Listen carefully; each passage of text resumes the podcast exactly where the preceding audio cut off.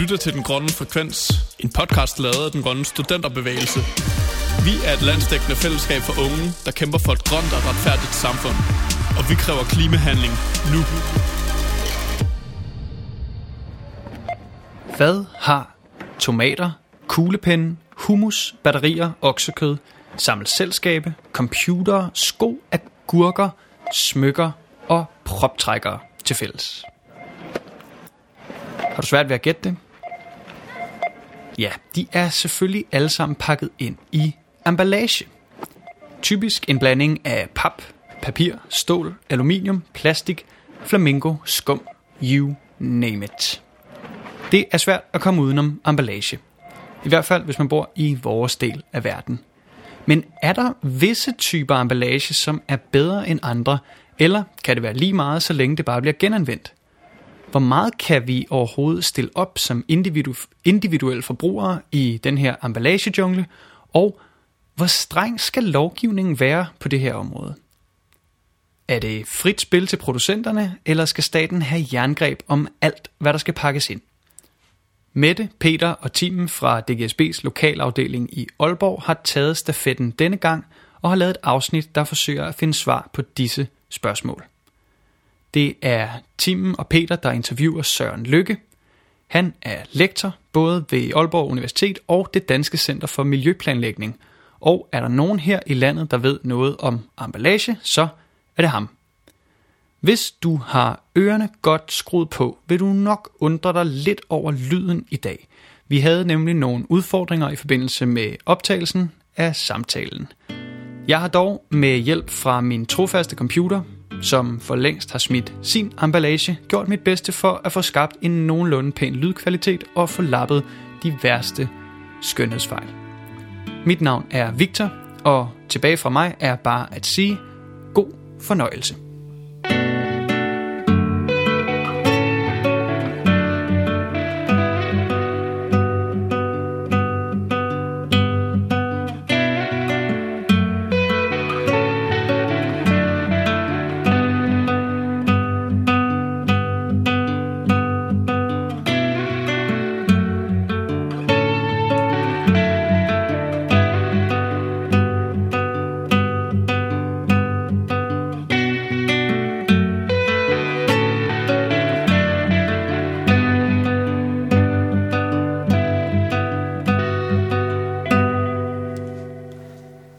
Kender du det med, at du står i dagligvarerbutikken, og du kan vælge mellem at købe juice i en plastikflaske eller i en karton, og man står lidt og overvejer, hvad finder de her to alternativer er mest bæredygtigt, når det er den samme juice, det handler om.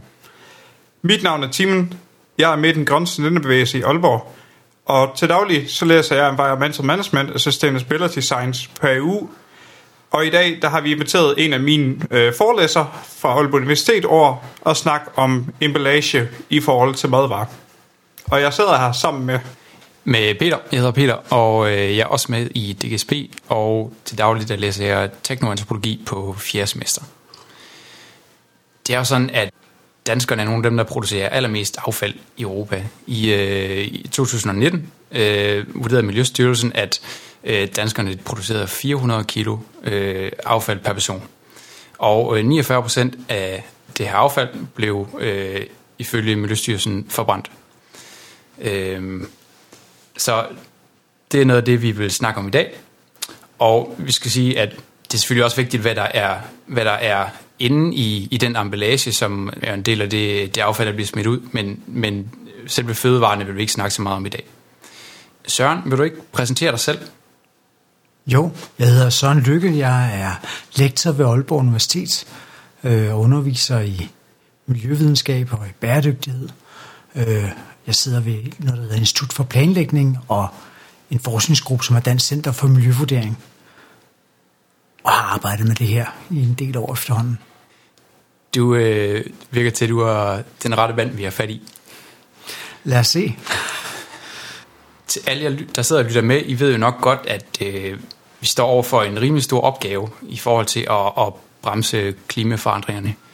Vi har både øh, klimakrisen, og så har vi en, en miljø- og biodiversitetskrise, øh, hvor vi ser flere og flere arter, der, der uddør, øh, og en natur, der bliver mere og mere udpint. Så Søren, øh, Jeg får lyst til at spørge, øh, hvordan bidrager vores emballageforbrug til, til de her problemer, sådan, sådan overordnet set? Tja, jeg vil egentlig sige, at emballagen er ikke det helt store problem. Emballage er jo meget ofte noget, der er nødvendigt for, at vi kan få varen frem, og for at den kan holde sig. Det er klart, der er også emballager, som er unødvendige, og det er selvfølgelig en, en, en, en væsentlig del af problemet.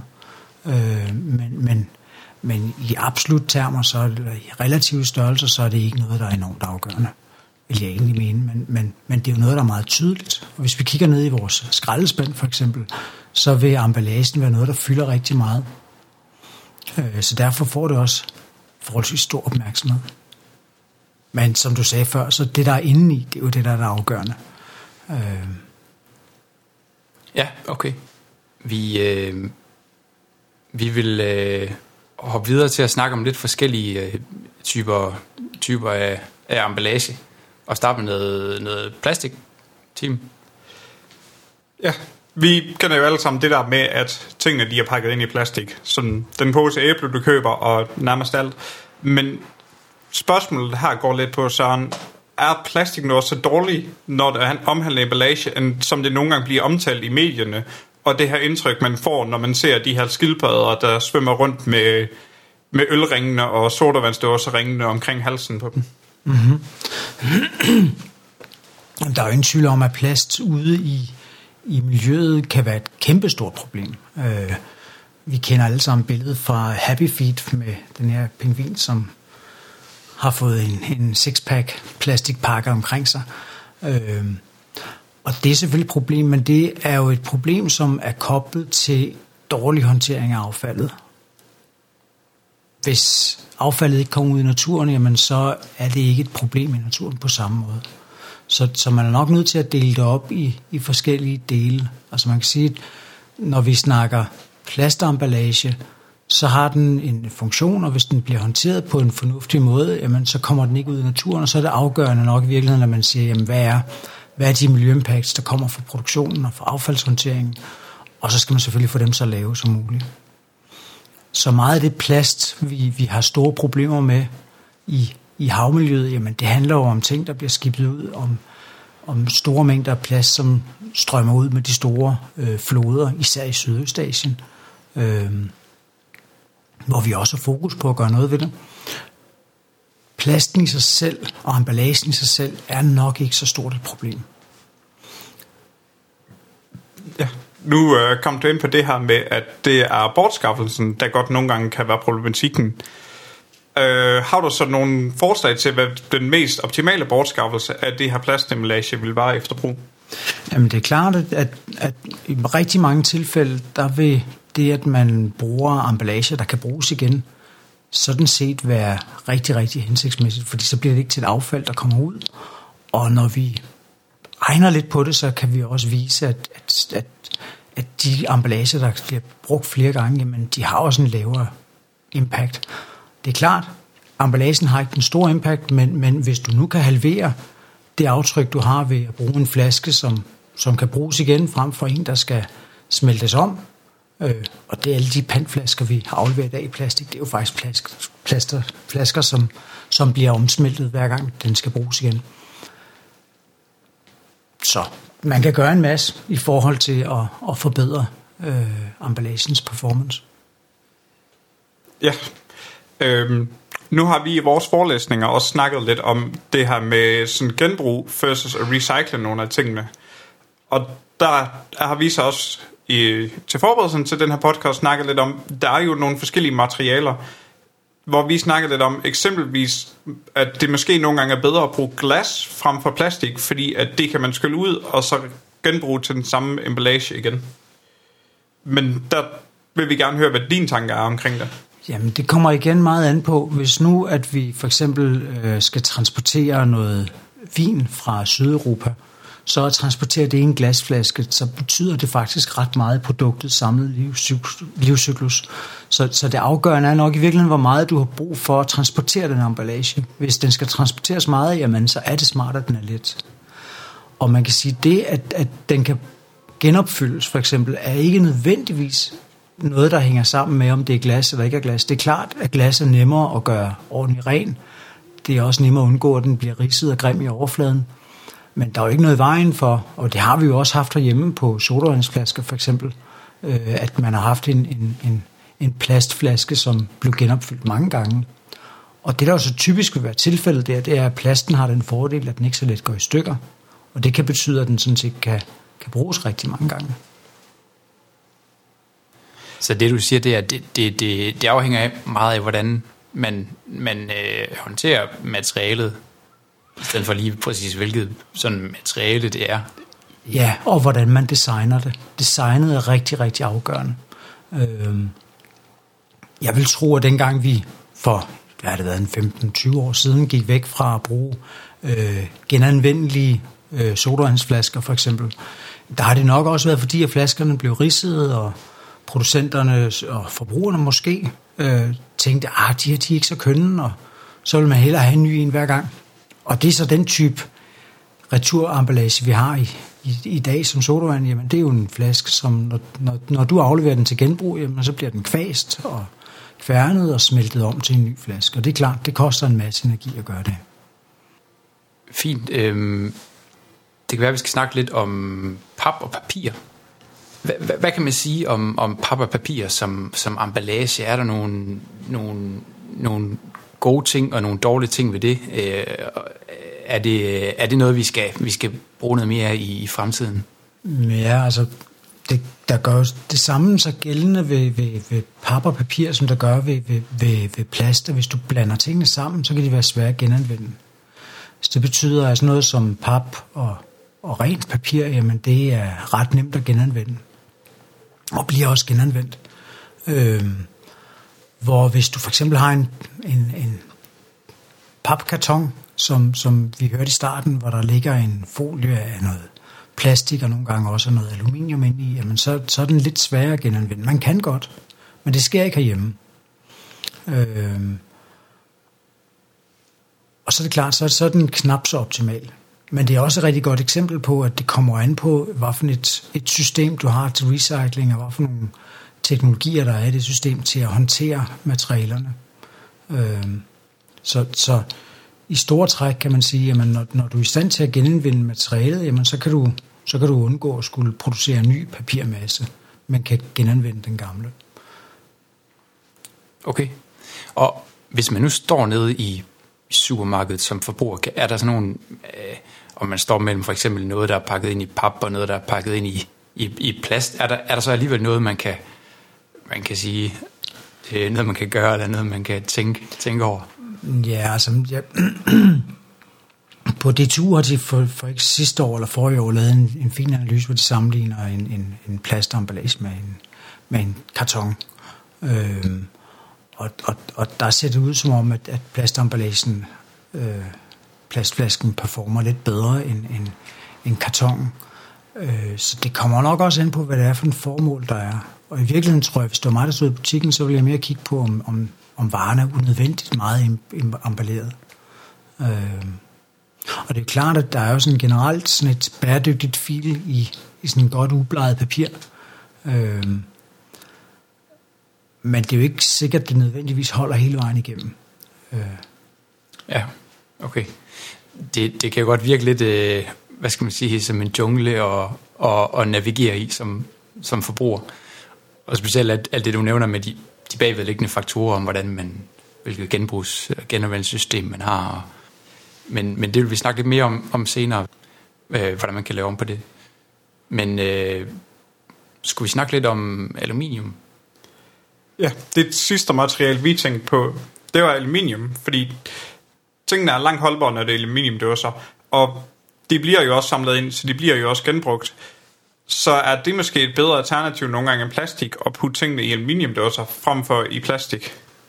Altså du tænker på øh, altså, den klassiske, om man skal købe ting i en glasflaske, eller en plastflaske, eller i en, en, en, en, en dåse.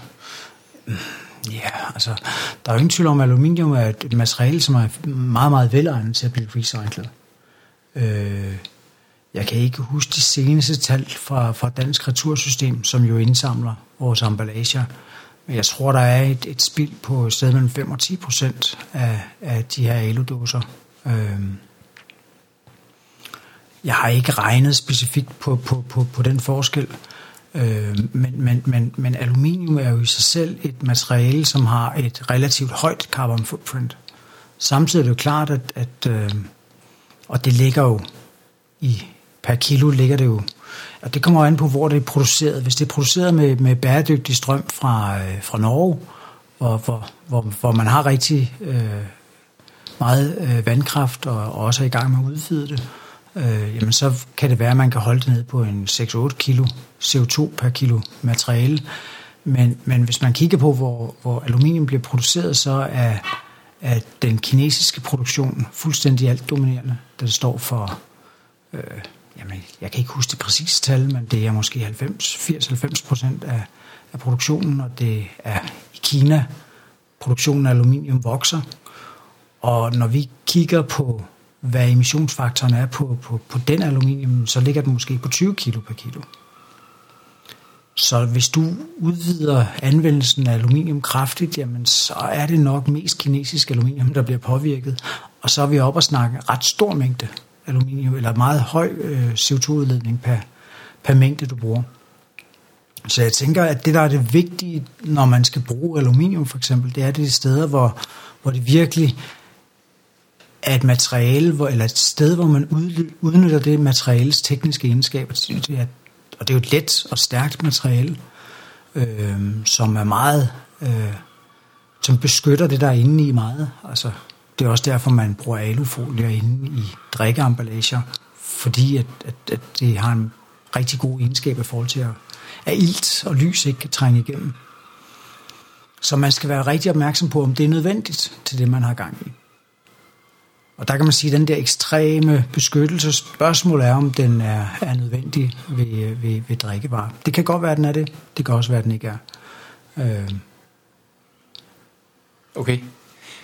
Jamen, øh, du var inde på tidligere, at, øh, at noget af det, man kan kigge på, det var, øh, hvor, hvor meget øh, emballage et, et produkt øh, ligesom havde, havde om sig. Mm-hmm. Øh, og, og du var også inde på, at, at det er jo selvfølgelig vigtigt, at, øh, at det beskytter produktet godt. Men, men er der alligevel, øh, hvis vi nu skulle snakke lidt om, om nogle tommelfingerregler, man sådan kan bruge sådan på tværs øh, af, når man står nede i supermarkedet, kan, kan vi, kan, er der nogle flere, man sådan kan, kan bruge øh, sådan som forbruger? Øh, kan man gerne vil, vil tage det bæredygtige valg? Altså, reelt set, så vil jeg sige, at du skal især være opmærksom på, hvad du køber. Altså, man, man, man skal virkelig kigge ind i, hvad der er, der inde i emballagen. Det, det er nok det altafgørende. Øhm, og ved at skifte et indkøb af, af, af et oksehøjreb over til at spise en gang øh, linser, jamen så, så, har du, så har du sparet mere, end hvad der svarer til al den emballage, du har købt i et helt år, vil jeg næsten gætte på. Øh, så, så, så det er enormt afgørende, men, men, men, men det er da klart, det som, det som man skal kigge på, det er, jamen, at tingene vi køber overamballeret. Og, det, det vil, det, og egentlig vil jeg ikke kigge så meget ekstra i forhold til, hvad emballagen er. Øh, er den overamballeret? Ja. Øh, nu snakker du tidligere også omkring det her med, at det, der er afgørende for, hvor bæredygtigt man kan se visse former for emballage at være, har, der har bortskaffelsen en meget vigtig rolle at spille i forhold til det her med, at man kan genbruge ting, som det er i den stand. Man kan recycle det. Øhm, og der har vi siddet og snakket lidt om, om der måske er nogle måder, man kan gøre det her mere overskueligt for forbrugeren på, hvad der sker med et materiale, når det bliver smidt ud. Øh, om man sådan kan lave nogle forandringer ovenfra, der måske gør, at det bliver nemmere for forbrugeren at vælge den mest bæredygtige form for emballage. Uha. Spændende spørgsmål.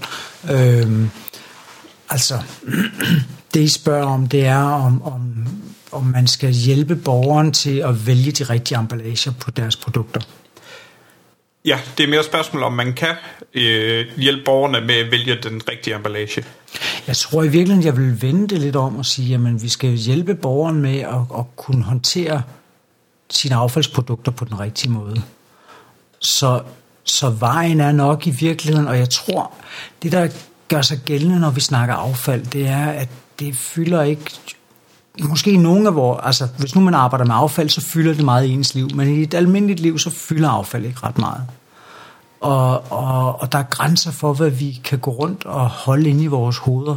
Så jeg tror, at man skal i virkeligheden nok mere kigge over i sådan noget nudging. Altså, det skal gøres nemt, og det skal gøres naturligt at gøre det rigtigt. Og vi skal helst ikke skulle tænke over det. Altså i virkeligheden, så min holdning til, til den slags spørgsmål her er, at, at det er jo super godt, at der er nogen, der tænker over det og vil forandre noget på det her, fordi det er nødvendigt. Men, men forandringen på den store skala sker, når det bliver nemt at gøre det rigtigt. Så det vil sige, at der skal laves en stor indsats i forhold til at designe produkterne, sådan så at de kan bruges mange gange, eller sådan så det er nemt at recycle, sådan så at når vi kigger ned på det lokale sorteringsanlæg for plast, så er det jo virkelig, en, eller hvis vi kigger her i Aalborg, der er der jo plastsortering, ligesom der er de fleste steder i landet efterhånden. Og hvis man kigger ned i sin spand med det der plast, som man har lagt til side til, at det skal genbruges, så er det godt nok snavset. Og det er nogle meget forskellige slags. Og jeg kan se på mine egne børn, at nogle gange kan det være svært at gennemskue, hvad det egentlig er, der skal der ned. Og det er ikke kun et spørgsmål om, at folk er for dumme til at gøre det rigtigt. Det mener jeg ikke, de er. Jeg mener, at det er et udtryk for, at det er blevet de ting, vi skal smide ud, de er, de er uigennemskuelige, og de er lavet på alt for mange forskellige måder. Det kunne man godt forsimple lidt. Jeg tænker, at den store diversitet, der er i den emballage, vi har, den, den behøver ikke at være så stor. Man kan godt lave noget, der var meget mere simpelt, hvor det var utrolig nemt for borgeren at, at smide tingene ud på den rigtige måde. Så, så jeg synes egentlig ikke, det handler om information til borgerne. Det handler om, at man får stillet nogle krav til de industrier eller til brancheforeningerne, som laver de her ting, om at de får det gjort på den rigtige måde.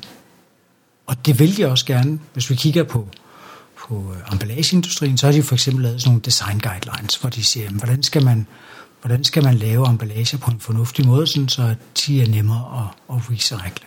Det indeholder typisk noget med, at man ikke skal blande materialer og sådan noget. Men når vi går ned i butikken, så kan vi se, at det er ikke helt trådt igennem endnu. Så det er jo spændende, hvad man kan gøre for at skubbe lidt bag på den udvikling. Det, det er nok, jeg ved ikke, om det er helt det svaret, for det du spurgte om, men, men det er i hvert fald sådan, jeg tænker det. Ja. Øhm, noget af det, vi også snakkede lidt om til forberedelsen til den her podcast, var, om man eventuelt kunne indføre en eller anden form for markering eller klistermærker, der sidder på emballaget, som er farvekodet alt efter, hvad for en skralderspand det så skal i, når forbrugeren har brugt det. Er det noget, du tænker, at du kunne hjælpe den her bevægelse i den rigtige retning?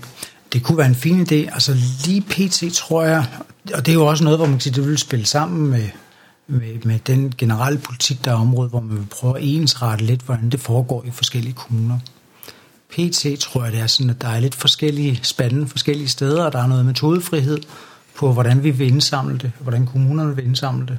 Så derfor vil det måske være svært at få lavet en emballage, der fungerer i hele landet.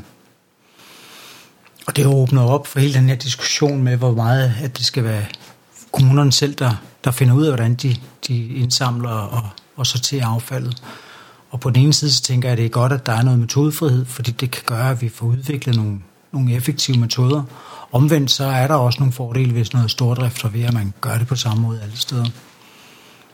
Men det er jo en diskussion, som, som kører lidt stadigvæk, selvom er ensretningen nok af, er, er den den side, der er ved at vinde. Okay, så, så hvis man hvis man sådan vil øh, skubbe på for en udvikling, så siger du, det, det med at skubbe på for øh, at lave dem på den måde, produkter bliver designet på, det er et sted, hvor man kan, kan gøre en forskel, eller hvis man gerne vil øh, medvirke til at, til at helt, lave den her omstilling. Helt bestemt, og, og så, det, så er det jo klart, at hvis man, hvis man som, som, som, som forbruger nægter at købe det, som er designet på en uhensigtsmæssig måde. Og det kan så være, det kan så være en, en udfordring at finde ud af, hvad der er det uhensigtsmæssige. Men igen, unødvendig emballering, øh, ting som ser ud som ting som man har svært ved at finde ud af, hvordan man skal sortere. Øh, det, det, det er jo en oplagt måde.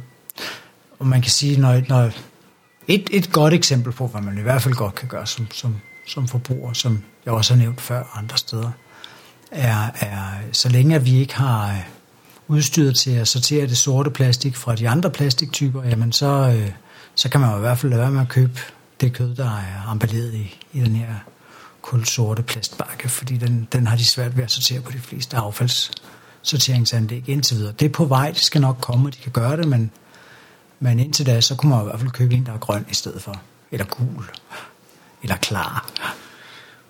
Ja, okay. Det er det, det kommer meget øh, frem, at det, hvor, hvor komplekst det i virkeligheden er.